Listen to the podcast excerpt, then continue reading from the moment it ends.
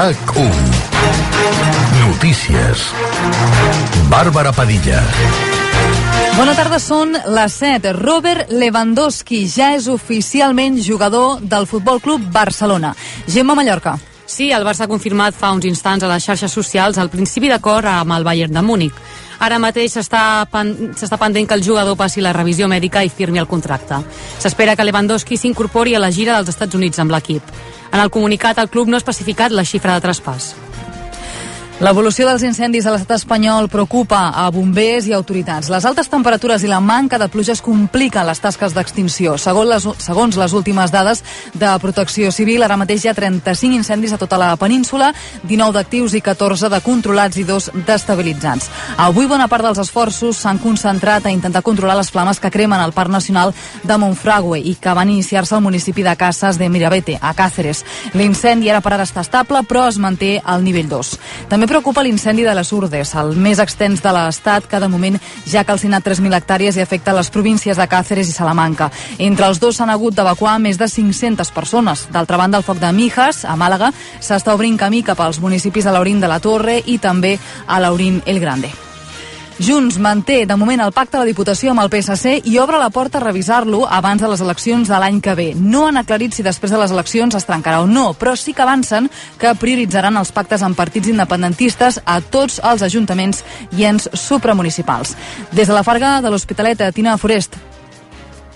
Sí, Aleix Tarri, coordinador de la ponència política, ha explicat que es debatrà el pacte necessàriament abans de les eleccions municipals i ha evitat parlar específicament de la Diputació i que ha explicat que intentaran que el màxim d'ens municipals i supramunicipals estiguin liderats per partits independentistes.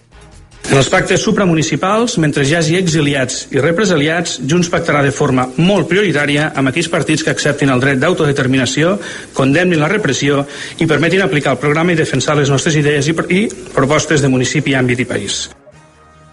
Junts també dona per trencada la taula de diàleg. Entenen que aquesta no té més recorregut i que no té cap benefici per Catalunya. I poca afectació de la vaga dels tripulants de cabina d'EasyJet a l'aeroport de Barcelona. A l'espera d'actualització de dades, aquest matí només s'havia cancel·lat un vol de la companyia, direcció París.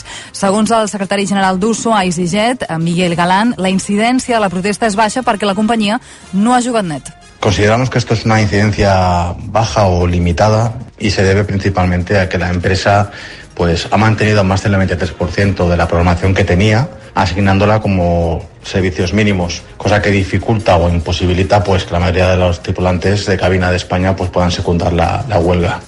A tot estat espanyol aquest matí s'havien cancel·lat tres vols. I ara la resta dels esports amb Gemma Mallorca. L'Espanyol està jugant ara mateix el primer amistós de la pretemporada a la ciutat esportiva Dani Jarque contra el Montpellier. Anem cap allà, Joan Camí. Minut 30 de la primera part, empat a 0 al marcador amb una ciutat esportiva plena de gom a gom. Recordem que Dimatà, Badillo, Aleix Vidal i Matías Vargas, per decisió tècnica i Pedrosa per lesió, s'han quedat fora de la convocatòria. Raúl de Tomàs tampoc hi és, ja que només s'ha exercitat dos dies amb els seus companys. Qui sí que ha debutat és Vini Sousa, Brian Olivan i José Lu, tres dels quatre fitxatges de l'Espanyol en aquest uh, mercat. De moment, l'Espanyol ha protagonitzat les millors ocasions, però encara sense encert. Moltes gràcies, Joan. Perquè el fa el Barça, l'expedició de l'equip cap als Estats Units ha sortit més d'una hora i mitja tard sobre l'hora prevista i des de les 4 ja vol en direcció a Miami. Ho fa sense l'entrenador Xavi Hernández, que no ha pogut pujar l'avió per problemes amb el seu passaport i s'incorporaran els propers dies a la gira. Encara futbol, a les 9, Espanya buscarà certificar l'accés als quarts de final de l'Eurocopa femenina. Ho fa contra Dinamarca i necessita com a mínim un empat per classificar-se. I l'australià Michael Matthews ha guanyat la 14a etapa del Tour de França en l'escapada Mende 50 segons per davant del català Marc Soler, que ha entrat quart. El mallot groc, Jonas Vingegaard, ha guanyat a l'atacant favorit, a Pogacar, i manté els 2 minuts i 20 segons d'avantatge. I el temps acabarem el dissabte sense canvis, amb domini del sol i aquesta calor sufocant a l'interior i molta xafogó a la costa. Aquesta nit tornarà a ser de mal dormir, sobretot a les grans ciutats de la costa, on costarà baixar dels 25 graus. Demà es mantindrà la mateixa situació donada de calor amb temperatures extremes al centre del dia a l'interior.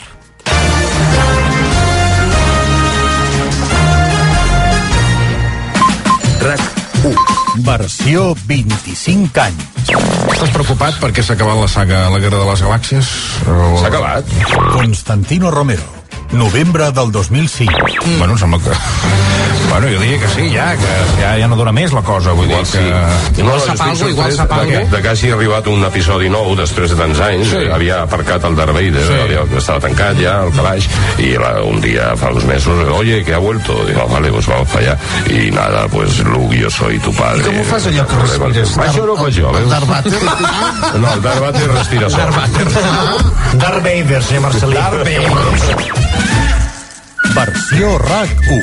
25 anys parlant en plata. RAC 1. Tots som 1. Això és reconcentrat. Doncs ja us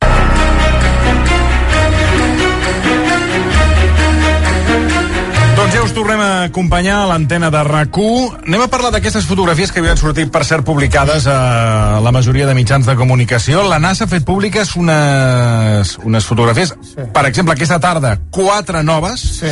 imatges obtingudes des del telescopi James Webb. No el conec. Eh, bueno, ara li explicarà aquí el professor mm, qui és i què és aquest telescopi. Sí. Ho ha fet després que el president dels Estats Units, Joe Biden, fes publicar la passada matinada a Catalunya, des de la Casa Blanca, la primera fotografia presa des del mateix telescopi espacial. Bé, et mires la fotografia i dius, bueno, jo eh, me l'he estat mirant aquest matí amb tot el carinyo, pensat, va, bueno, Sembla com sí. una discoteca. Sí, sembla que estiguin, eh, sap, no sé, ensenyant les fotografies del que era l'estiu de 54. Dic, li preguntaré al, li preguntarem al físic i doctor en enginyeria aeroespacial, avui la cosa, la tarda vegada doctors, Miquel Sureda, professor Sureda, bona tarda. Molt bona tarda. Gràcies per acompanyar-nos. Un aplaudiment pel professor Sureda, perquè li hem, donat, li hem fet un aplaudiment a Sala Martín. El professor Sureda també... Bé, um, primer de tot, el que farem és a la xarxa publicar, bueno, ja l'heu vist aquesta fotografia, però la tornem a publicar, la primera, la que hem vist avui. Uh, Ja l'acabem de publicar, tot just la, ara. la primera fotografia del James Webb, que per començar, per il·lustrar el senyor Virgili, mm. James Webb és el telescopi. James Webb és el nom del telescopi, és un telescopi espacial que està a l'espai. Per què es diu James Webb? Vull dir... És el nom d'un funcionari que treballava a la NASA i que en realitat no té res a veure específicament amb l'astronomia, però se l'estima molt perquè va ser els, dels primers que va donar molta importància a la ciència. Va, va, va, van pujar, diguem, perquè la, ciència, perquè la NASA invertís molt en ciència i com que aquest telescopi el que fa ciència, doncs se li va posar el seu nom. Per tant, era com un... què et jo? Com un benefactor. No, era un funcionari, treballava. Era funcionari, només funcionari, no, mm. no. I veus que sorprèn que li posin el nom d'un funcionari. Mm. No per res, però bueno. Sí, sí, sí, i de, de, va ser important a l'època de les Apolo. Ah. Uh -huh. I què, i què feia? Amb fórmules i coses es explicava? No, no, no, no, no. No, era, era, era més- Sí, prenia decisions i Veu? és un dels que va, dels que va estar doncs, doncs, eh, fent molt de lobby per això, perquè la NASA doncs, dediqués una bona part dels recursos en, en temes de ciència. Penseu que al final a l'espai eh, els recursos es poden destinar a moltes coses i en general la gran quantitat van per temes més aviat militars, estratègics, aleshores bueno, el fet de que les agències espacials facin tanta ciència és una cosa que ha anat evolucionant amb el temps. El, el telescopi, jo li preguntava al professor Sobreda, dic on el tenim, diu, ui, a no sé quants quilòmetres, a quan està aquest està, telescopi? està en un punt que es diu L2, vale? que Ui. està... és el punt de Lagrange 2, que és un punt molt especial perquè està sempre, diguem, quiet respecte a la Terra i al Sol. Quan la Terra va orbitant al voltant del Sol, el telescopi es va movent de manera que sempre està en la mateixa Ah, posició, Ah. junt amb la Terra i el Sol, i aleshores això fa que sigui un lloc molt òptim per estar mirant, diguem, cap a l'univers, perquè tens la Terra i el Sol darrere que no et molesten.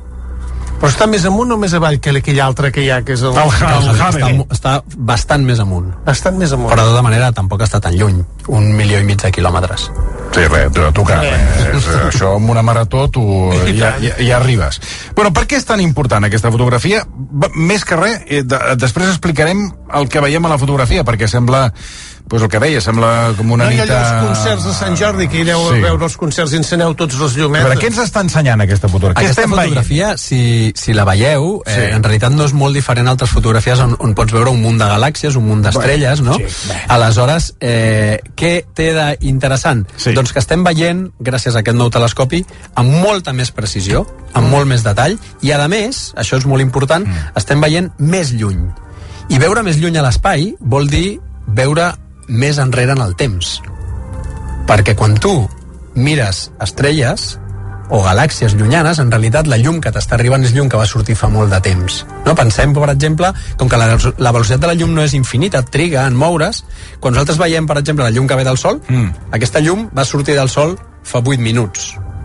Sí? De, de, de manera que estem veient el Sol com era fa 8 minuts.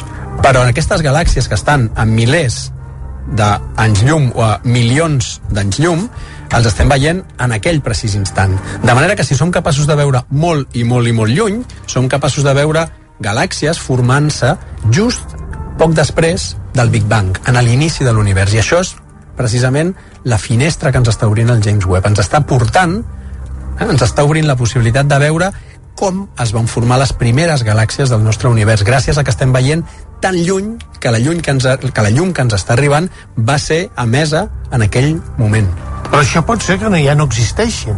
Ah, efectivament, de fet nosaltres podem estar veient estrelles que, eh, això no estic parlant de, del James Webb, quan tu mires per la nit, no a Barcelona, perquè no es veu ni una estrella, per desgràcia, però quan tu mires i veus una Via Làctea Sí. ben xula allà... Quan vas ha- a Àger, per exemple. Exacte, hi ha estrelles que estàs veient que estan, doncs, això, a milers d'anys llum i que aquestes estrelles és possible, algunes d'elles que han, ja han, han fet una supernova, han explotat i per tant aquestes estrelles ja no existeixen. Aleshores, si això passa amb, uns, amb unes estrelles que, eh, com, com, com diem, veus estrelles, el dia que tens la possibilitat de disfrutar, ara que arriba l'estiu, que ho pots fer, veus aquests cels estrellats, o a l'hivern també, però eh, dius que hi ha estrelles que ja no es veuen, aquestes estrelles, aquesta fotografia... Sí, són galàxies, el que veiem aquí. Galàxies. I quina, Són diferència, galàxies. quina diferència hi ha entre galàxies i estrelles? Eh, una galàxia és un conjunt d'estrelles, en general molt gran, no? Eh, L'univers està molt buit i de sobte et trobes una zona on hi ha... Molt buit vol dir que no hi ha res? L'univers, durant, Negre, durant, fosc. molt, durant, moltes, durant molta part de l'espai no hi ha res i de sobte trobes una galàxia com la nostra, que es diu Via Làctea, que té centenars de milers de milions d'estrelles allà posades, vale, que s'han anat ajuntant per, for, per efectes gravitatoris. Moltes vegades hi ha un forat negre al mig. De fet, fa poc veu parlar d'aquesta Sí. sí. fotografia del forat negre que hi ha al centre Sí. de la nostra galàxia, no? I aleshores doncs, doncs la, bàsicament les galàxies són un, doncs, moltíssimes estrelles, serien com ciutats És a dir, les galàxies- serien com ciutats Eh, o sigui, les galàxies és acumulació d'estrelles Efectivament. que en un punt, com tu dius, eh, Giren- giren entorn serien com unes ciutats, però després de, de ciutat, de galàxia a galàxia no hi ha res. Exacte, és com anar per Arizona amb el cotxe Sí, sí, i dius, sí, sí. Doncs, em vaig d'un lloc a l'altre i em passo moltíssim, I moltíssim. ara, aquesta fotografia de, de James Webb, que ara en parlarem de les altres, perquè ara en, en tenim més, eh, és una galàxia? No, això és un, el que se'n diu un cúmul de galàxies. Aquí hi ha moltíssimes galàxies. Cada un d'aquests puntets que estem veient és una galàxia, vale? i això es diu SMAX 0723, és el nom que té aquest cúmul de galàxia. Cada un d'aquests puntets, com deia, és una, i aleshores la gràcia d'això és que això, són unes galàxies que estan aproximadament a uns 4.200 milions d'anys llum de distància. 4.200 milions de llum de distància, vale? el qual vol dir, com comentàvem, que la llum aquesta va sortir fa 4.200 milions d'anys, que és més o menys quan s'estava formant la Terra en el sistema solar. En el moment en el que s'estava I com- i formant com la se Terra... sap? Clar, com saben que té 4.200 milions No, d'anys? no, no, jo dic com Ah, se no? sap que fa 4.000 milions d'anys es va formar la Terra. Ah, bueno, no, clar, tot, tot això, a veure, eh, són preguntes molt diferents. La, Sí. la Sí, no, distància... la que dis- cadascú mira el seu quilometratge. Perdoneu, perquè clar, estem aquí bombardejant-lo. No, la distància, la distància a la que estan les galàxies, les estrelles, la podem saber per, un, bueno, per la, les qualitats de la llum que ens arriba. Nosaltres penseu que al final, quan fem astronomia, amb la llum que ens arriba hem de descobrir un munt de coses. Es poden descobrir, per exemple, la composició, l'edat de les estrelles i també la distància. Bàsicament això té a veure amb que quan s'estan movent aquestes estrelles, depenent de com s'estan movent, la seva llum canvia, canvia cap al vermell, canvia cap al blau, aleshores, bueno, amb una sèrie de, de, de raons físiques, tu pots saber, doncs això, la distància, pots saber l'edat, pots saber eh, inclús la composició. I ara, eh, eh, la, la pregunta, i aquí com sabem la... la... O sigui, parles de la Terra. De la Terra, de, que parles d'uns 4.000 milions d'anys, com ho sabem? Sí, 4.200. Però com se Eh, bueno, com s'ha calculat, això? Això s'ha calculat perquè s'ha- s'ha s'ha estudiat com, és la, com ha sigut la formació del sistema solar. En un primer moment tu pots saber l'edat, per exemple, del Sol, perquè com dic podem saber l'edat de les estrelles i en base a això, doncs quan saps una mica l'edat i sabem com es van formant aquests sistemes solars, doncs aleshores eh, la formació de, de cada un dels planetes la pots datar directament. Aleshores, tornant a la, la primera fotografia, que és la que pod, podeu veure a través de la xarxa i que avui ha estat publicada a tot arreu, tu dius que són un cúmul de galàxies. Sí. I cada galàxia té els seus planetes? Eh, sí, de fet nosaltres ara estem començant a descobrir, nosaltres veiem molt fàcilment les galàxies perquè fan molta llum, com podeu veure aquí. Les galàxies fan molta llum. Perquè són un munt d'estrelles, Sí. és com posar moltíssimes bombetes juntes, no? Però un munt d'estrelles, quantes ne parlem? Doncs depèn molt, hi ha galàxies de tots tipus. Hi ha galàxies que tenen forma d'espiral, més grans, més petites, però, però poden... poden Bueno, sí, te- tenim, ja. tenim números impressionants. Tenim mm, centenars de milers de milions d'estrelles. O sigui, aquí el que hem de pensar és que nosaltres, quan diem ah, la Terra, el sistema solar, els planetes que tenim al nostre voltant, nosaltres som, fent l'analogia de, la, de la ciutat, no? si una sí. galàxia és una ciutat, nosaltres estem en un pis d'una casa i els nostres veïns... Nosaltres, el t- planeta Terra, la Terra, diguem, no? La Terra La és un pis d'una casa. d'una casa i tenim uns, uns veïns, no? el pis de dalt, el pis de baix, que són doncs, Júpiter, que són Venus... Bueno, però no hi viu ningú. Mm, eh, se, ja, segurament no, però no n'estem segurs. Però bueno, el fet és que tenim uns planetes veïns, però això només és l'inici, si nosaltres fem un zoom cap a fora, no? fora del sistema solar, del nostre Sol, hi ha moltíssimes estrelles al nostre voltant que formen la Via Làctea, que és una galàxia. Aquesta Via Làctea té moltíssimes, moltíssimes estrelles, però és que és una entre també centenars de milers de milions de galàxies que hi han repartides per l'univers. Quan, diem, quan diem no som on anar, és això, no som on Me peta la cabeza. Sí, sí, sí que petes. Sí. Clar, però eh, vas imaginant la galàxia, que, bueno, la, galà la galàxia, o sigui, la, el que seria l'autopista, exacte, l'univers...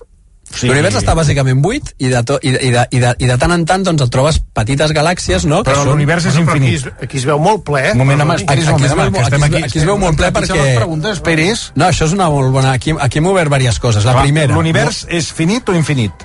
Eh, L'univers és finit. El que passa és que... Ah, I on està el finit? Bueno, s'està expandint, s'està expandint, però s'està expandint contra, contra algú què? que, que no és no és com un globus que quan s'expandeix, diguem, té aire al voltant, sinó que l'univers ens hem d'imaginar com un univers que s'està expandint contra una cosa que, que en realitat eh, no, no és... La matèria es va... és? Es, no, és com... La matèria... No, perquè no... O sigui, no, clar, és que hem el- el arribat gran a, l'univers que s'està expandint... Cap a... I què hi ha? I què hi ha en el- darrere? res. Però no és, no és el buit, no dius no, no, és que hi ha el buit, a l'univers hi ha molt de buit però en realitat, quan nosaltres pensem en l'univers estem pensant en, des del Big Bang que era un, un petit puntet on tota la massa i tota estava concentrada allà i després d'aquesta explosió s'ha anat expandint i s'ha anat creant l'espai i el temps i més enllà no hi ha res, no hi ha espai no hi ha temps, no hi ha buit no hi ha foscor, no hi ha res, absolutament res I adéu. No ho puc entendre. és difícil d'entendre, sobretot perquè vivim en un món, no nosaltres, on, on treballem en tres dimensions, nosaltres estem acostumats a, clar, a pensar ja diu, ja diu, endavant, cap a la dreta Sí. i cap a dalt, les tres dimensions. L'univers és quatridimensional, vale? en realitat tenim les tres dimensions espacials i, les, i la dimensió temporal, per tant, Sí. tenim un, el que en diem el teixit espai-temporal de quatre dimensions, que ni tan sols podem visualitzar-lo, perquè nosaltres vivim eh, físicament en tres dimensions, i això s'està expandint vale? contra, contra res. Per tant, sí, és, conceptualment és molt difícil d'entendre. Contra Déu Pare. Déu Pare hi és, i llavors ell va dir, pam, que peti tot. I... Però Déu va, va crear la Terra, no? Tot. Ah, tot. Tot. L'univers també. Tot, tot, tot, ja ho diu a la Bíblia. A mi m'agradaria fer una pregunteta ràpida. El sol que li queda, ho dic per saber què li queda al Barça. Perquè clar, quan rebenti el sol rebentarà el Barça. Tranquil, al Sol li queden encara milers de milions d'anys. Encara... Però és veritat que el Sol algun dia patarà, també. Sí, I sí, clar, per aleshores, això, per això, llavors s'acabarà el Barça. Potser per aquella temporada ja començarem a tornar a guanyar coses. I estaria bé que el professor Sureda respongui el que deia el senyor Marcelí, que és veritat, que en aquesta Jo, imatge que quedat, hem jo ja m'he vist... quedat, perdoneu, eh? Saps, sabeu a la, cla- a la classe que vas apuntant i estàs allò I enganxat? arriba un moment que ja no- I hi ha un moment És que obriu molts fronts. Eh, ja no entiendo nada. Adiós. Ja, I bueno, adiós. Ja m'he quedat col·lapsat Clar, amb això que perquè- l'univers es va expandint i No que, i, i que això és com un globo dius, Hi ha un i, no i, res. i darrere no, no, quatre dimensions, aquí ja m'he perdut. La pregunta del senyor Marcelí era com és que veiem tantes galàxies? Perquè Bueno, això en és- aquesta imatge que... Aquí hi ha un, munt- hi ha un munt de llums. Primer, primer de tot perquè precisament, com he dit, això és un cúmul de galàxies. Les galàxies tenen tendència, també per temes de gravetat, a, a eh, agrupar-se i a tenir, diguem, un moviment mm. comú entorn. Aleshores, mm. nosaltres també, la Via Làctea està en un cúmul de galàxies. Per tant, les galàxies estan disperses per l'univers, però tenen tendència a juntar-se en cúmuls. Per tant, aquí hi ha galàxies que estan relativament a prop. Però, a més, hem de pensar que aquesta imatge la veiem molt apretada perquè en realitat és una imatge que eh, en realitat en el cel ocupa res, o sigui, nosaltres estem veient, perquè us feu una idea del que estem veient en aquesta imatge, tots, imagineu-vos que agafeu un gra de sorra, Sí. tothom aquí a l'estudi també agafa un Sí, gra de sorra, sí. vale? el poseu a la punta del dit, Sí? sí? apunteu cap al cel amb aquest gra de sorra, tothom està apuntant en el Sí, cel, sí. mireu, vale, doncs, doncs l'espai que ocupa aquest gra de sorra en el cel és aquesta imatge. O sigui, tot el que estem veient aquí en realitat està en un espai dintre, de- dintre o sigui, la, la, la, està posat en el nostre cel tal com ho veiem nosaltres en la mida d'un gra de sorra. Què vol dir? Que nosaltres estem mirant aquest espai i en aquest espai estem veient tot això sí, sí, que... que en realitat està molt separat però com que és un Però, espai i, en, i quan, quin espai ocupen? O sigui, a veure...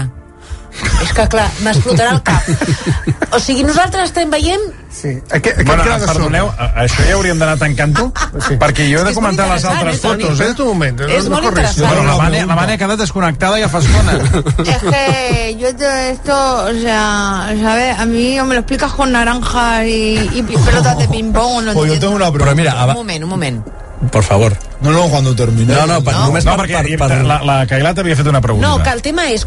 Val, molt bé, estem veient el que hi ha el que granet. ocupa en un granet de sorra apuntant sí, al que cel. és la fotografia I, de, aquí, de la NASA. I són moltíssimes galàxies amb una sola imatge. Sí. Això, en, això en espai...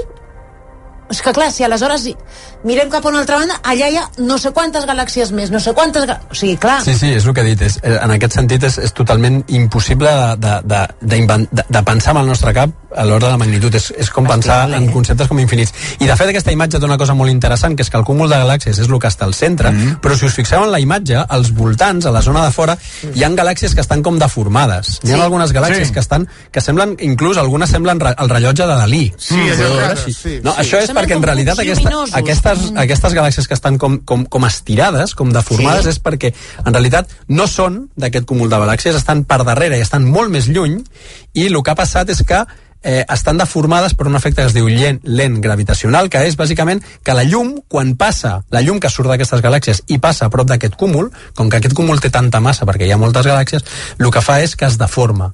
És com si jo em vaig menjant i em vaig posant gordet, ara ho estic una mica, però molt més, més, més, més, més, més, el Toni podria veure el que hi ha darrere meu, perquè la llum de les coses que hi ha darrere meu es, de, es corbarien quan passessin a prop meu i passarien pel meu voltant i anirien cap al Toni. Les coses que tenen moltíssima massa a l'univers permeten veure el que hi ha darrere perquè fan un efecte com una lent. Així, per exemple, és com hem descobert forats negres, perquè el forat negre no el veiem, però veiem que les coses que hi ha darrere estan deformades o duplicades amb aquestes lents. Per tant, en aquí veiem en un primer pla aquesta, aquest cúmul de galàxies, però a més veiem coses que estan molt més lluny. I l'únic que volia concretar és per què és tan interessant aquest telescopi? Precisament per això. Una de les grans preguntes que ens fem nosaltres és té a veure amb tot això que estem discutint, que és l'espai està buit, però de sobte trobes cúmuls de galàxies on hi ha galàxies plenes d'estrelles i no entenem per què. No entenem per què d'un Big Bang on tot el que va sortir era homogeni, en tots els llocs hi havia el mateix, hem acabat en un univers on hi ha una gran part de l'espai buida i després concentracions de masses molt grans. És molt heterogeni. Aquesta evolució estel·lar eh, del propi, la, la pròpia estructura de l'univers no l'entenem, perquè no podem, no hem pogut fins ara mirar com es va formar tot això. I, ara això sí- és el que estem I ara sí que ho podràs mirar veure perquè ara. estàs veient el que va passar fa 4.000 anys. Fa 4.000 anys no. Fa 4.000 anys és això, però podrem arribar a fa 13.000 anys, 13.500 anys, que és molt, molt, molt a prop al Big Bang. Bueno, això si us, us, us deixa veure el nostre senyor, eh? Sí. Bueno, jo... Eh, aquí hi ha un oient que m'apuntava que això d'aquest eh, univers inf, in, eh, finit que es va enxamplant, que li genera angoixa, a mi també. És com si estigués veient un globus vas- que al final dius... Això, Això farà un pet com una clau. Exacte. Bueno, eh, jo volia, com, clar, preguntar-li al professor Sureda les altres fotografies d'avui, perquè, com dèiem, la NASA ha fet públiques fa poca estona quatre noves fotografies. Són el planeta WASP 96b, que sembla de pel·lícula de ciència-ficció, la nebulosa planetària de l'anell del sud, les estrelles de la nèbula de Carina, Carina? sí, i el... ¡Qué ilusión! Sí, Carina amb C. Ay, Ah, bueno, però bueno, però, Pero lo mismo. però seria potser un homenatge a la nebulosa habitual de Carina. I el clúster de galàxies de Stephens Quintet, el primer grup compacte de galàxies. A veure, anem a la primera de les fotografies, que és la composició atmosfèrica del planeta eh, gasos WASP 96b, és que sembla, sembla que orbita al voltant d'una estrella que es troba a 1.500 anys llum de la Terra. A veure, aquesta fotografia, què ens aporta? En realitat això no és una fotografia, aquí el que hem fet és una cosa Ah. que es diu espectrografia, ¿vale? Hem, hem vist el seu espectre. Què vol dir això? Això vol dir que quan nosaltres ens arriba la llum, el que comentàvem abans, nosaltres, eh, els, no, jo parlo nosaltres, mm. però els astrònoms, jo sí. soc més enginyer, els astrònoms treballen amb llum. Ara estan treballant amb altres coses que són les zones gravitacionals, però en general treballen en llum. I què fan amb aquesta llum? Han de buscar-se la vida, per saber tot el que puguin, no? Hi ha una tècnica molt interessant que et permet saber la composició dels materials, que és l'espectrografia, que és bàsicament eh, tu quan t'arriba la llum, aquesta llum la, la separes en... fas com l'art de Sant Martí, la separes en les diferents Sí. longituds d'ona i aleshores veus que en certs llocs hi ha uns forats, hi ha longituds d'ones que falten. Això m'està parlant de que aquesta llum, quan ha passat a través d'un cert gas, eh, hi han hagut franges que han sigut, hi han hagut longituds d'ones que han sigut absorbides per aquest gas, i això el que t'està dient és la composició d'aquest gas. Nosaltres Mm. podem saber, per exemple, la composició d'atmosferes o la composició de- d'estrelles o inclús la composició de l'atmosfera de Mart, fa molts anys que es va saber, gràcies a aquesta tècnica. No és tant una fotografia, sinó agafar la llum, separar-la en totes les petites diferents tipus de llum que es composa i veure petites línies que falten o petites línies no, que estan alterades i amb això podem saber eh, amb, amb, podem identificar certs elements químics. eso no lo sabía. No, buc. O sigui, això es fa que servir a la Terra també, eh? Això es que fa servir a la Terra per és- detectar materials. Ja, el que falta és el gas que, que hi ha. En el cas de que sigui absorció, sí. Hi ha diferents tipus d'espectre, Ah. hi ha un espectre d'emissió, l'espectre d'absorció. Però sí, sí, sí, és així. I això es fa servir també en els laboratoris, eh? És una manera molt fàcil de saber substàncies químiques. Què passa aquí? Que el que s'ha pogut veure és, per exemple, que aquest planeta té traces de vapor d'aigua. Ah. Aquest planeta, en principi, no és un planeta especialment interessant, si pensem en buscar vida, perquè és un, un planeta molt gran, vale? però... Eh, és Gran de, com ara és, què? És al voltant d'un Júpiter, podríem dir. Vale? És un Júpiter calent, es diu. Però ara, perdona, eh? On som ara? És que ja m'he Som en aquest planeta, en aquesta foto de A la primera. Planeta Guas. El planeta Guas. És que aquí veus, em dius que això és un... Es, una, És la gràfica aquesta, tu pots veure... Un espectrograma d'aquests... Bueno, tu veus uns puntets? Sí, però, però aquí, no és el cap planeta, aquí. Per això, el que t'estic dient és que no és una foto. Que aquí el que Ja. tenim és una informació sobre com és la llum que ens està arribant, que és una gràfica al final i que té a veure amb una sèrie de línies, i això el que ens permet és saber la composició de l'atmosfera, o la composició... Però aquí no es veu cap planeta. No, perquè, perquè no és una foto. Ja, ja, ja. el que hem fet és espectrografia. Però això, eh, fins ara no ho podíem fer, perquè en realitat veure exoplanetes, veure planetes fora del sistema solar és molt difícil. Nosaltres els trobem, els exoplanetes, però no perquè els veiem, sinó perquè veiem l'efecte que tenen sobre les seves estrelles. I ara, amb aquest telescopi, podrem començar realment a veure exoplanetes directament i a poder estudiar la composició de la seva atmosfera. I per què és això superxatxi? Perquè sempre, sempre, sempre en el fons que estem buscant quan, quan anem per l'espai, que estem buscant? Vida. Efectivament, jo sabia que... Vols dir que tard o d'hora, vols dir que tard o d'hora la trobarem. Bueno, Bueno. vull dir que això ens acosta a Uy. trobar vida. Venga, no nos pasen ya de imbécil. Llevamos aquí 40 minutos tostando la cabeza a la gente. Hombre, ¿me entiendes? Porque los científicos en realidad estáis aquí, sí, muchacho, un telescopio, te enseño una foto que eso es, bueno, es un gotelé de colores, por no decir unas cagarrinas con tropezones, ¿me entiendes lo que ha salido aquí? Y bueno, y no tenéis ni puñetera idea del universo, ni de los planetas, las constelaciones, ni, ni de Virgo, ni de Géminis, ni de Tauro, ni de Balanza, ¿me entiendes? De los ascendentes. Todo esto que sale aquí, no, no sale nada, ¿me entiendes? Estem parlant, Claro. de, estem, eh, parlant de física Sí, i de, claro, sí. i de eh, astronomia. Cagarrotas es lo que son. ¿Me No astro- Que lo dije yo, que los científicos son las cagarrotas, los hechiceros de la antigüedad. Y pasan los años, han pasado más de 20 años desde que yo Con Radio, que me estafaron el señor Cuní y el otro científico que había, el señor Catalá, y estamos Sí, en la sí, misma sí. encerrona, me están jodiendo. Però No es faci servir la paraula ciència. Senyor Català, sisplau. Perdona. Senyor Català, Perdona, sisplau. no es passi d'imbècil vostè ara. Ei, senyor, eh? senyor- No es passi d'imbècil, No, perquè sisplau, abans, senyors, abans que senyors. naixés un científic, abans que naixés un científic a la història d'un milió d'anys, hi havia un senyor que va descobrir les estrelles i feia I la gent astrologia. es- es I els científics van Senyors. ser les cagarrutes que feien els, els Uy, senyors que de l'antiguitat. lo que me ha Senyors, dicho senyors. fulano No, perdoni, Senyors. vostè ja Senyors. es nota Que és un escarós i repugnant socialista acabat. i prou, i prou. Jo he acabat. vingut Senyors, aquí a parlar d'una situació senyors, astral. No he vingut a Senyor Lleuger, ningú. senyor Lleuger, sisplau. Vale, ja me'n vaig. No, no, sí, no, no, no. No, no, adéu, home. És que Escolti, aquesta no és la manera... Escolta, quan us comporteu com a persones decentes, tornaré. Mentre tingueu fills de puta socialistes, Senyor, aquí no torno. senyor Lleuger, lamento haver-li de dir... merda. Lamento haver de dir... Sisplau, sisplau, sisplau. Si- Vols tancar el micròfon, sisplau? Vol, vol tancar el micròfon, sisplau? Gràcies. Fora. Publicitat, sisplau. Sí, ¿queda claro? Habéis hecho una foto de una cagarrota, ¿me entiendes? Tirar de serrín y limpiarla, es lo que tenéis que hacer. què porque- passa? Que la que se surt d'Àries, eh, Taula i Claro, tot això... Sagitario, Pisces, el descendent, las contraposiciones de planetas, y eso sí, pero no me vengas aquí a hablar de todas estas mierdas, tío. Y del planeta ese de la nubelosa de Karina y de, de, de, de, de cariño. hombre. Tío, dejad de ir con los huevos ya, hombre. M'he quedat malament davant dels Sí, no, exacte, sí, sí. Jo demano disculpes al professor Sureda perquè... A mi me gustaría preguntar una cosa. Sí, vinga, a veure si aixequem una mica el nivell, perquè he de comentar encara tres, imatges. tres preguntes més, Clar, tres imatges més tres que hem de comentar. Queden per Me comentar. gustaría saber, lo que estamos hablando, si estás buscando vida, ¿qué posibilidad hay en número o en porcentaje o lo que se mida esto para que haya otro planeta donde podamos tener vida, que podamos tener marihuana, vamos? ¿Hay posibilidad que en otro planeta existan plantas de marihuana como la de aquí?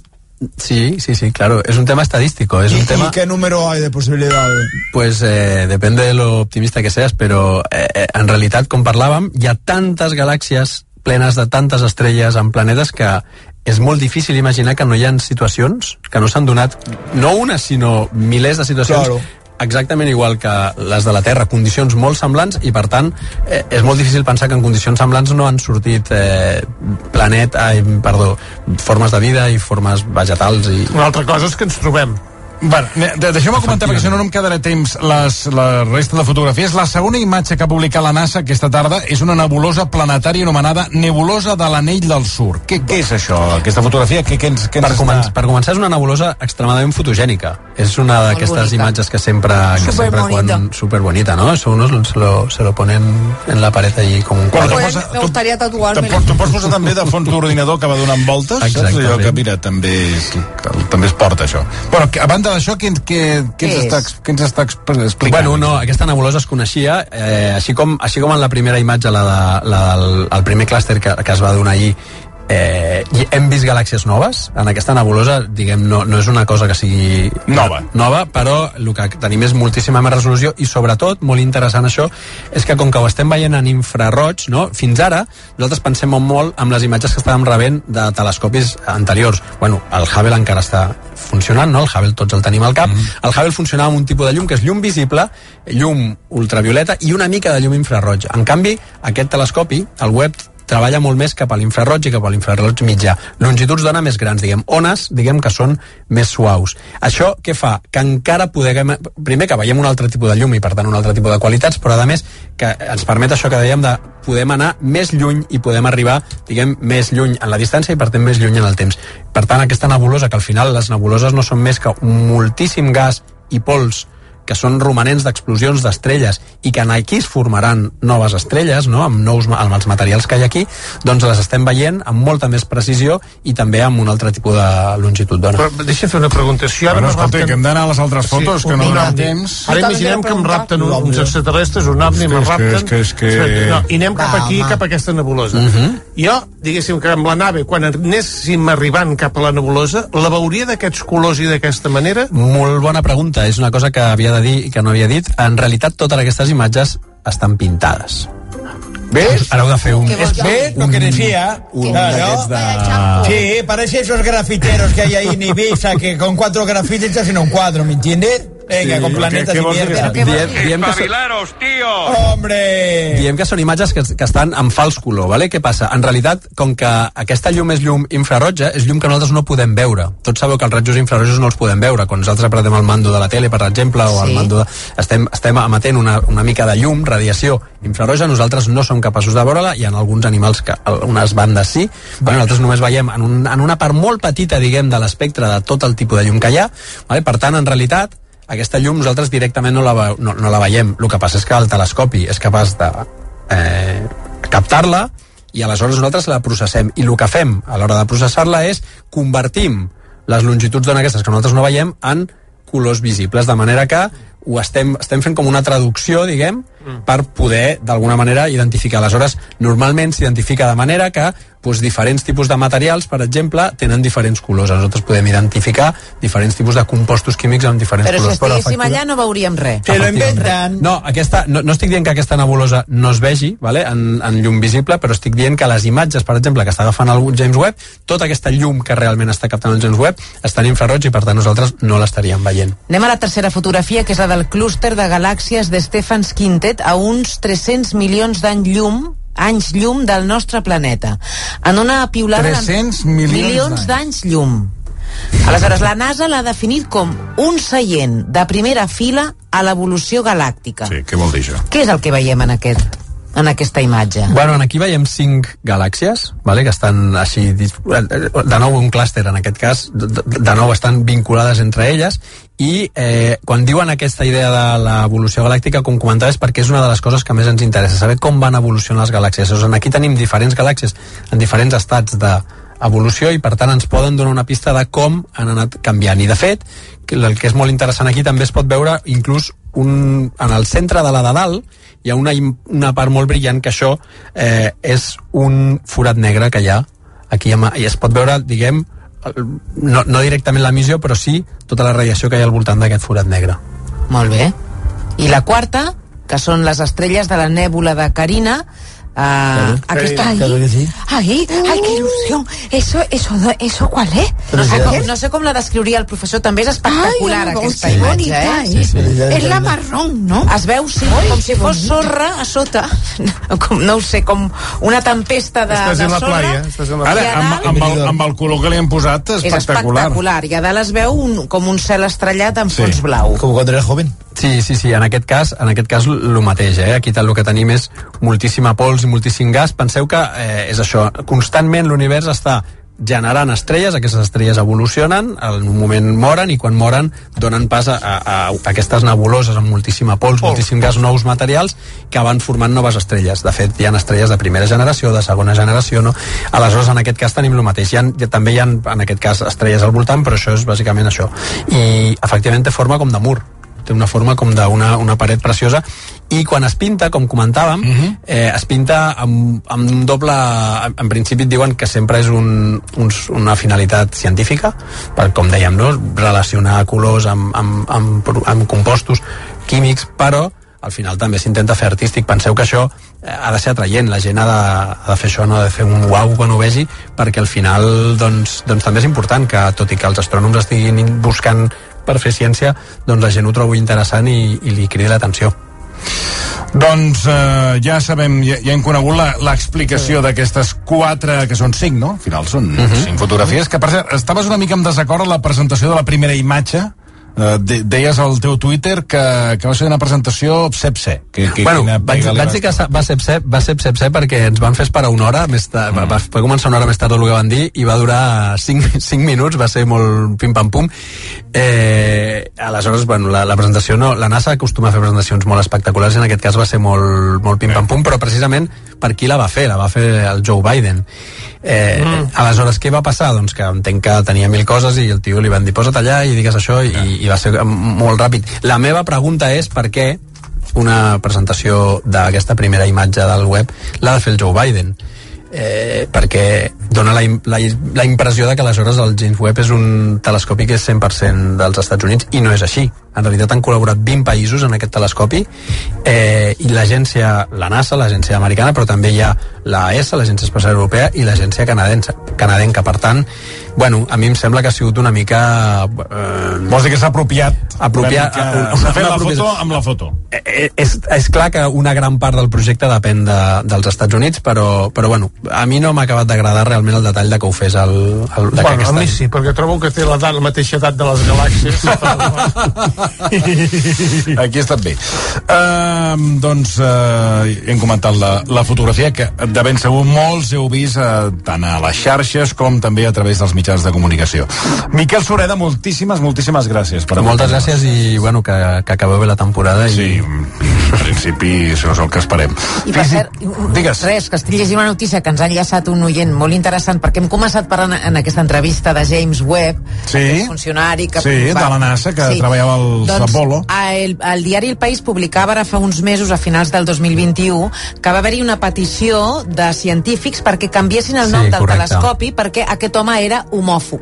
Ah, La no NASA sabia. no va voler canviar de nom i això va provocar que una de les assessores de l'agència espacial, que és Lucian Walkovich, pre- presentés la seva dimissió en desacord amb la, amb la decisió de la NASA de no voler canviar el nom del telescopi. Sí, va ser controvertit també perquè no era una persona especialment vinculada a l'astronomia, no, no, no, però, però bueno, sí, no sabia que, aquest detall. Doncs eh, repeteixo, Miquel, moltíssimes gràcies. Miquel. Cervera, físic i doctor en enginyeria aeroespacial. Amb ell fem una pausa. RAC concentrat. Hola, entitats i clubs de Catalunya! Si per Nadal feu participacions, escolteu. La Doble és un nou joc que juga amb talonaris de participacions, des dels nostres terminals i digitalment. Així podem ajudar-vos a vendre més participacions per tot el territori. Ah, i si toca el vostre número, pagarem els premis per vosaltres. Repartirem premis col·lectius, premis individuals de fins a un milió d'euros i també premis per vosaltres, les entitats. La doble és l'alternativa catalana a les tradicionals participacions de Nadal i és 100% social. Uniu-vos-hi a inscripció.ladoble.cat. Sorteig 20 de desembre. Loteries de Catalunya. És la nostra. Jugar amb responsabilitat és guanyar. I només si ets major d'edat. Aquest estiu, de dilluns a dijous, a 8 TV, el primer reality de Catalunya, el Catalunya Express. Un show únic, un show inimitable. Catalunya Express, amb Rebeca i el gran Germán.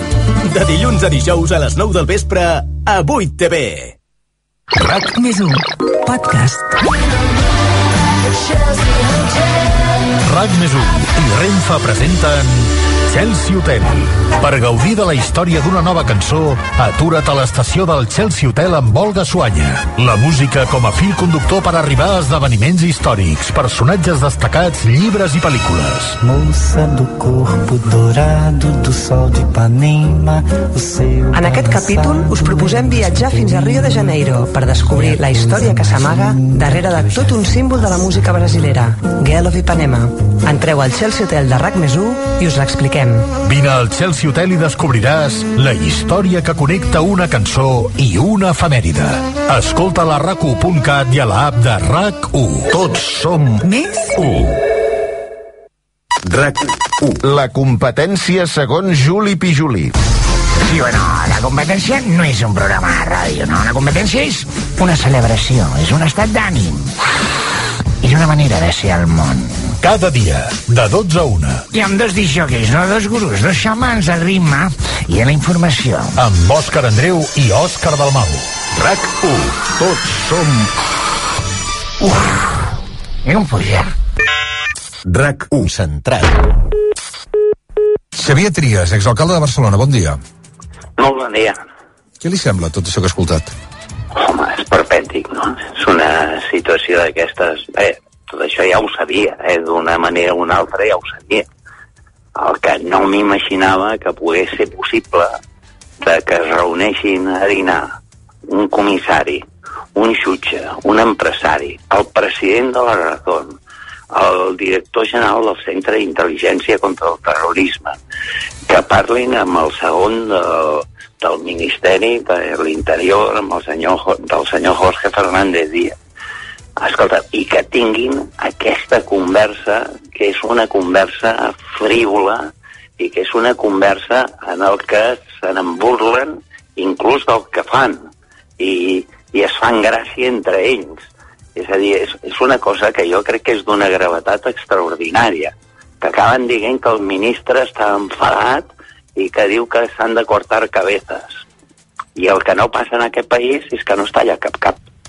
El que passa en aquest país és que no es talla cap.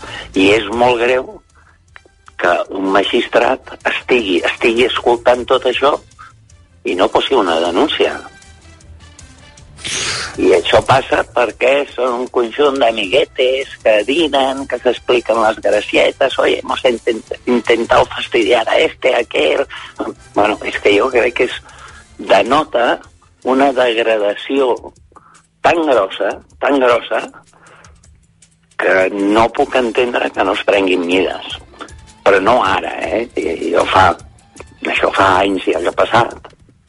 I jo no he entès mai, mai, mai, mai que no es prenguin mesures.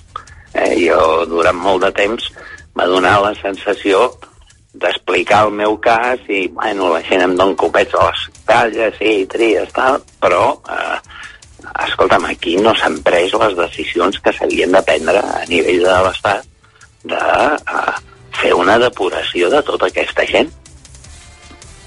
Després d'escoltar aquests àudios de, del món.cat que publica avui, eh, a títol personal, com va fer Jaume Giró amb Alicia Sánchez Camacho, té previst prendre algun tipus d'acció legal? Bueno, és que la meva frustració ja màxima és que jo ja les he pres, aquestes accions. Jo em vaig querellar contra el diari, que ho va fer, que era en aquest cas el Mundo, eh, amb el senyor Inda i aquests personatges que estan compinxats amb tots aquests, i, escolta'm, eh, al final va resultar que el jutge diu, escolti'm, eh, el, el diari publica això perquè ho rep d'una font fidedigna que és el Ministeri de l'Interior. Pues jo em querello contra el Ministeri de l'Interior i em diuen que les proves que porto, que són gravacions, no valen.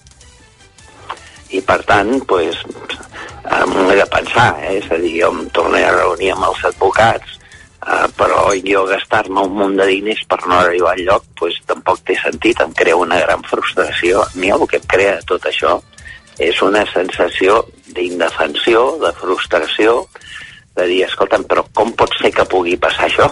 Com pot ser que pugui passar això? I li afegio, és molt greu, però molt greu, que a més eh, passin aquestes coses, es facin aquestes reunions, que jo crec que és anòmala la reunió ja en si, que a sobre es gravin i que després es vagin traient com si fos un serial. és, és que és una cosa que t'ho expliquen i no t'ho pots creure. És que és de país tercermundista, això. I que no passi res. No, no passa res. I ningú, pues, escolta'm, bueno, escolta'm, eh, eh, el Trias tenia la raó, veus? Escolta'm, mira, escolta'm, Trias, mira. Jo dic, escolta'm, però és que em posa els nervis, eh? Jo dic, però com pot ser això? Però com pot ser? Villarejo explica que vostè, amb perdó, li para la trampa a petició del ministre de l'Interior d'aleshores perquè a l'Ajuntament estaven sent durs amb Alberto Fernández Díaz, ja ho he escoltat, eh, fent servir, fer servir recursos de l'Estat per crear proves falses per finalitats polítiques partidistes. Clar, què es pot fer? Jo amb l'Alberto Fernández Díaz sempre he tingut una, una bona relació i inclús en els moments més violents i més complicats ens vam conjurar els dos en mantindre aquesta relació amable eh? i l'he continuat, continuat mantenint. Ahir mateix pues, al matí el vaig veure. I la política no pot ser d'aquesta manera. És a dir, jo crec que és una vergonya política eh, eh, el destruir l'adversari el anar a destruir l'adversari és un error una cosa és confrontar les coses amb l'adversari i una altra cosa és anar-ho a destruir. No, crec que és un error, no hi estic d'acord en absolut. No parlat amb això, ahir que es trobava amb Alberto Fernández? Que, que trobo vergonyosa. Mm, deia que ahir es va trobar amb Alberto Fernández Díaz, com se n'ha trobat més una vegada. Algun dia n'ha parlat d'això? I de son germà? Sí, sí, sí. Però, però això en vam parlar quan va passar. Quan I? va passar, jo, jo li vaig dir, pues, el teu germà, escolta, soc el meu germà i jo no responc pel meu germà, responc per mi, jo li vaig dir, mira, amb algunes de les gravacions sembla com si tu estiguessis enterat de, de que el teu germà fa aquestes coses. Eh, per tant, ens podríem barallar, però, escolta'm, eh, la meva voluntat és no barallar-me. No, no, escolta'm, eh, nosaltres hem de mantenir una bona relació i hem mantingut aquesta bona relació. En tot cas, clar, escoltant això, reitero, eh? És a dir, un altre, un, ja cada vegada tot, tot, tot, tot encara es fa, més, es fa més gros. Reitero que la gran novetat aquí és que hi ha un jutge que està assegut a la taula no, no, no, És, aquesta, o sigui, és a dir, hi ha un jutge d'un magistrat de l'Audiència Nacional, que és Fernando Andreu, que està en aquesta taula i a qui li diuen que les proves... És a dir, que allò que va ser publicat era fals. És a dir, que el, que el més normal que tocaria, interpreto, eh, per part del que seria la justícia... Que el jutge ho denunci. Clar. El jutge ho denunci. No, no, no, aquí... És que, és que el que és est- estrany és la reunió. Que un comissari es reuneixi amb un, eh, amb un jutge, que reuneixi amb el president de la Razón, que es reuneixin amb el director general del Centre d'Intel·ligència contra el Terrorisme, amb un empresari, i que, a més, tinguin aquest tipus de converses, escolta'm, és que això és una anomalia. Això és una anomalia. És perquè se'n vagin tots a casa. És que això no pot ser de cap de les maneres. No, què hauria de fer ara l'Audiència Nacional amb aquest jutge? I, i cada mes, i cada mes es gravin. I després passarà que tu portes això com a prova i et diuen que, escolta, que aquesta gravació no és vàlida, que no és una prova. Què hauria de passar, eh, Xavier Trias, amb el, amb el magistrat de l'Audiència Nacional? Home, aquest senyor l'han de destituir. O l'han d'imputar per amagar una informació. Clar, però això hauria de fer, per exemple, la Fiscalia. Home, jo, jo crec, escolta'm, en qualsevol situació com aquesta, d'ofici, d'ofici, la Fiscalia intervé. En molts casos, en molts casos, sobre el món independentista, hem tingut que suportar que la Fiscalia actua d'ofici davant d'una situació que, que, són anòmales. És que és una situació anòmala.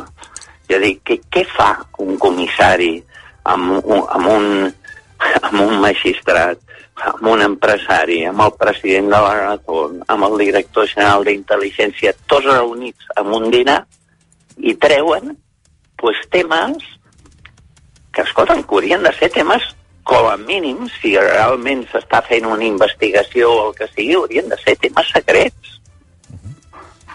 Vostè creu que va No, perdre... és una reunió d'amiguetes. Es, cu- es, es, que s'expliquen les gracietes, no? confirma amb aquests àudios que vostè va perdre l'alcaldia per, eh, aquests, per tot això? Bueno, jo sempre dic que jo no he perdut l'alcaldia només per això. He perdut l'alcaldia per moltes raons, eh? eh?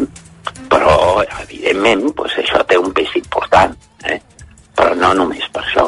És a dir, jo diria una mentida, eh? I, i jo crec que un ha de ser prou intel·ligent per saber que sí que això pues, m'ha creat una situació durant un temps d'angoixa, de problemàtica, de que, escolta'm, ara molta gent, escolta'm, ja tenies la raó, tries, i jo dic, però escolta'm, resulta que això pues, m'ho ha pa- passat eh, pues, 8 anys amb que la gent pues, dubtava del tries. Escolti'm, per acabar, eh, ja sap que vostè ha estat totes les travesses i ha après de totes les travesses.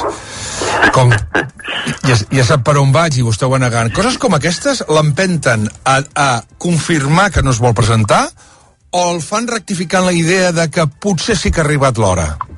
No, jo, jo escolta'm, eh, fixi's, eh, jo a tots els dic el mateix. El presentar-se o no presentar-se eh, depèn de per què fer. Depèn per què fer. I això exigeix posar en ordre els Junts per Catalunya, anar bé, tal. Ara tenim un congrés aquest cap de setmana, escolta'm, que es posin en ordre, escolta'm, jo me'n vaig de vacances, al mes de setembre ens assentarem tranquil·lament i en parlarem, però jo dic, escolteu, mm, heu de tenir clar eh, de que eh, això no és una broma. És a dir, això consisteix... Si, si voleu presentar-se i voleu fer una candidatura guanyadora, doncs s'ha de fer una candidatura eh, de debò en la que tothom estigui d'acord i que el partit estigui fort. L'esforç que ha de fer ara la gent és que el partit sigui fort, que hi hagi ordre i que els que manen, eh, els que manen, eh, pues s'entenguin i vagin bé. I això és el que han de fer. Ja, però deia, deia ara, eh, perdó, eh, Xavier Trias, deia eh, després de vacances ens sentarem i parlarem tranquil·lament. Si ens sentarem i en parlarem tranquil·lament, si el partit s'endreça, vol dir que no descarta que es presenti. Home, perquè és que no us podeu imaginar la pressió que tinc. és que és al·lucinant, és que sembla que jo estigui fent una... que sigui el nen que es porta malament que no ho vol ser, eh, perquè jo vaig pel carrer, la gent em para, em truquen eh, gent de tots llocs, escolta'm, t'has de presentar, has d'ajudar, has de... Bé, escolta'm, tota la vida, tota la vida, tota la vida m'he dedicat a ajudar, tota la vida. Per tant, està obrint la porta clarament a presentar-se. Tota la vida m'he dedicat a ajudar, però jo sempre els dic el mateix. Escolteu, eh, ha de ser per què i en quines condicions i, i com fem les coses. Eh? I han d'acceptar, a més, una manera eh, de fer del Trias eh, que no sempre és ortodoxa amb els partits. Eh? I jo no estic disposat a segons quines discussions o quines picabaralles. Eh? I, per tant, pues, escolta'm, uh, si tothom coincideix en que això i tothom va junt i han de fer una cosa, és a dir, no ens podem presentar amb un sector en el que en aquest sector es presentin eh, pues, cinc candidatures que cada una no traurà molts vots prou suficients perquè no es guanyi de cap de les maneres. Permetin que li digui, és la primera vegada, eh, Xavier Trias, que d'aquell no rotund, aquell no sostingut, ara sí que veig l'opció que vostè, ara amb el que estic escoltant aquí al Monarracó aquest matí a les 8 i 24 minuts, és que, escolti'm, eh, No, l'estan empantant tant, l'estan empantant Perquè- tant que està obrint la porta. perquè des d'una qüestió lògica jo no vull passar com el nen que fa la pataleta que no vull, no vull, no vull, no m'agrada eh? jo dic, no, no és veritat no és veritat, a tothom li afalaga que et diguin que, que pot ser l'alcalde però jo no em presento per perdre si em presento, no em presento per perdre i això vol dir que les coses han d'anar d'una determinada manera el primer problema que hi ha és que el partit ha de ser fort. Aquest cap de setmana prendran un conjunt de decisions importants i és la configuració d'aquest espai i d'aquest partit. Bueno, doncs ja és un, ja és un bon element. Eh? Jo dic que això, això està bé, eh? ja dic, però eh, bueno, s'han de fer les coses molt ben fetes. Uh -huh. de, miri, ara ja, ja, ja m'avanço, eh? D'Ernest Maragall, entre altres coses, se li retreu sempre l'edat. Té por que l'edat sigui un argument que li puguin retreure a vostè també o no? No, és que me'l trec jo, aquest argument. és que és evident. És així. Escolta'm, jo sempre dic que uh, per alcalde s'hauria de presentar una persona entre 40 i 65 anys. Eh, una altra cosa és dir, escolta'm, no, no, però escolta'm, uh, uh, Trias, tu tens un lideratge que necessitem. Bueno, això és una altra història diferent. Això és una altra història diferent, però és evident uh, que que, escolta'm, que s'ha de buscar gent jove. El futur és de la gent jove. Ja. Mm, Bueno, Argimon està entre els 40 i els 65 anys, dic també perquè és l'altre gran nom que també sona, eh? Però, però en fi, Jo crec que és, jo crec que és un gran nom. Jo crec que és un gran nom, no és, no és cap disbarat. Eh, és una persona amb una capacitat important.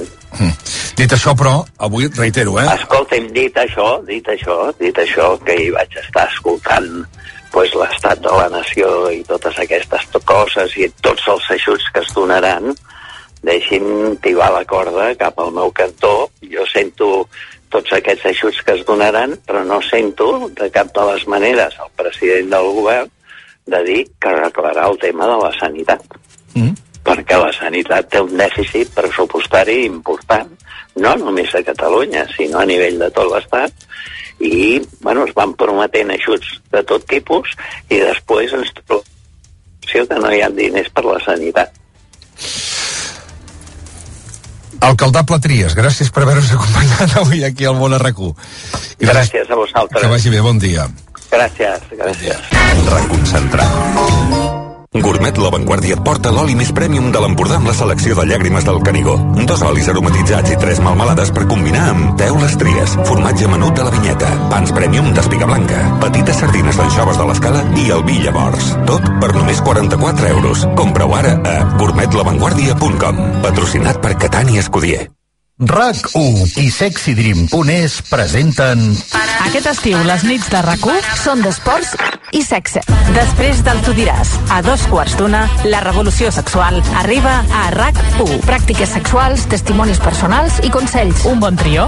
Fantasies i realitats. La revolució sexual passa l'estiu a RAC1. De dilluns a divendres, amb Anna Alfonso i Rosana Carceller. Salut i bon sexe a RAC1. RAC1. Tots som u. I amb el suport de Sexy Dream. RAC més 1, podcast. Us agrada cuinar i riure? RAC més 1 presenta un podcast de cuina amb humor. Cuina pels qui no saben cuinar, pels qui els hi fa mandra i pels que sí saben cuinar, però volen riure una mica. Estadella Michelin, un podcast de cuina que fa venir ganes de cuinar amb Guillem Estadella. Receptes, curiositats, entrevistes amb xefs refutats i, sobretot, també amb les nostres iaies. Estadella Michelin. Jo ja aviso, la meva cuina és de supervivència. Un podcast per cuinar i riure. Un podcast així modern, eh? Multimèdia. El teniu a RAC més 1 i també al canal de YouTube de RAC1. Escolteu tots els secrets de les receptes a RAC més 1 i mireu com es fan al canal de YouTube de RAC1. Estadella Michelin. Una altra manera d'ambientar la cuina amb... RAC més 1. Tots som Més 1. RAC1. Tots som 1.